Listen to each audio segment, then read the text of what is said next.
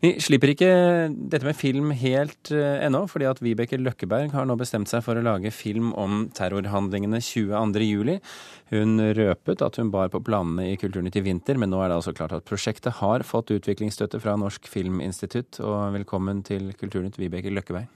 Tusen takk. Kort spørsmål først. Du har vært tre ganger i Cannes.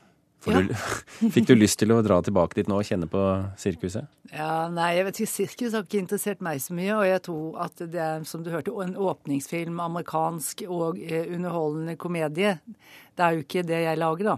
Lenger, så før tror jeg nok det var mer eh, søking på seriøse filmer. Men de faller ofte i offentlig sektor, men litt utenfor hovedprogrammet, da. Og det er litt synd. Og denne filmen du skal lage nå om 22.07, vil nok etter alt å dømme ikke komme til eh, Cannes. Hvorfor vil du lage en film om 22.07? Som ikke kommer til Cannes?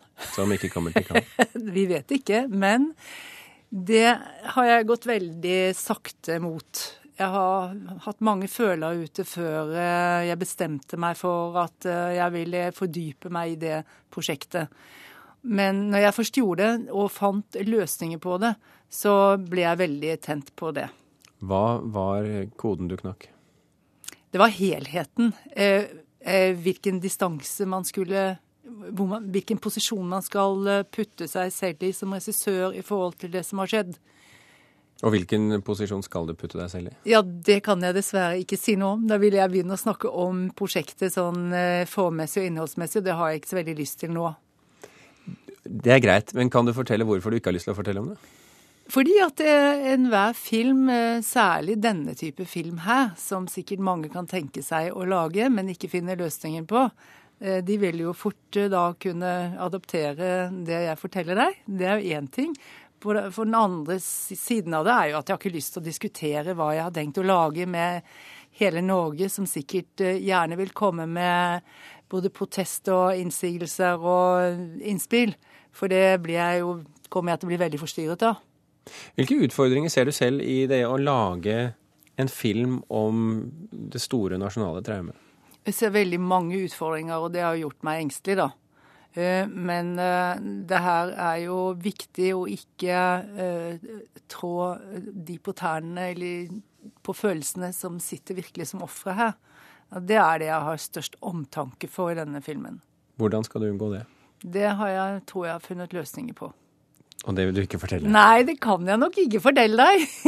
Men det, det, det må gå tid før jeg kan komme ut med prosjektet på den måten. Hvordan har det vært å sitte på tilhørerbenken i tingretten, som du nå har gjort de siste dagene?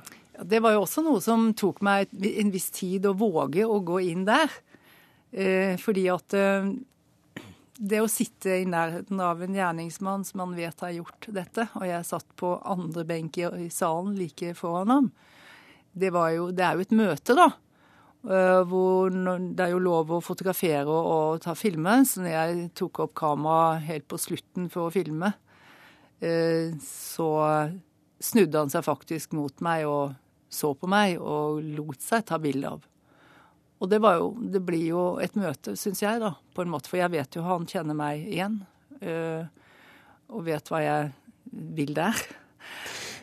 Blir det med andre ord en dokumentar? Eh, altså, du har sikkert sett uh, Tears of Gaza, eller Gazas tårer. Uh, som for øvrig nå skal opp i New York og LA på kino og San Francisco. Og da er det vel innenfor den eksperimentelle formen jeg tenker å gå. Ehm, det gjør det jo også lettere med hensyn til at man ikke skal dokumentere hvert eneste person som har vært eh, skutt og skadet og så videre. Det er jo eh, ofte sagt at eh, virkeligheten overgår helt fiksjonen. Ja, det er derfor jeg ikke vil slippe dokumentaren. For jeg mener at eh, det er eh, mye kraftigere enn en hvilken som helst fictionfilm. Men jeg kan også komme med en tilføyning, og det er jo at eh, denne filmen er et ledd i en, i en tre filmer som er antikrigsfilmer. Som viser til at man ikke kan løse politiske eller bilaterale problemstillinger med vold eller krig. Hva blir den tredje? Det er allierte. Det er en roman jeg skrev fra annen verdenskrig og bombingen av Laksvåg. Og den trenger også penger, med andre ord, når du kommer til det skrittet? Ja. Vibeke Løkkeberg, tusen hjertelig takk for at du kunne komme til eh, Kulturnytt.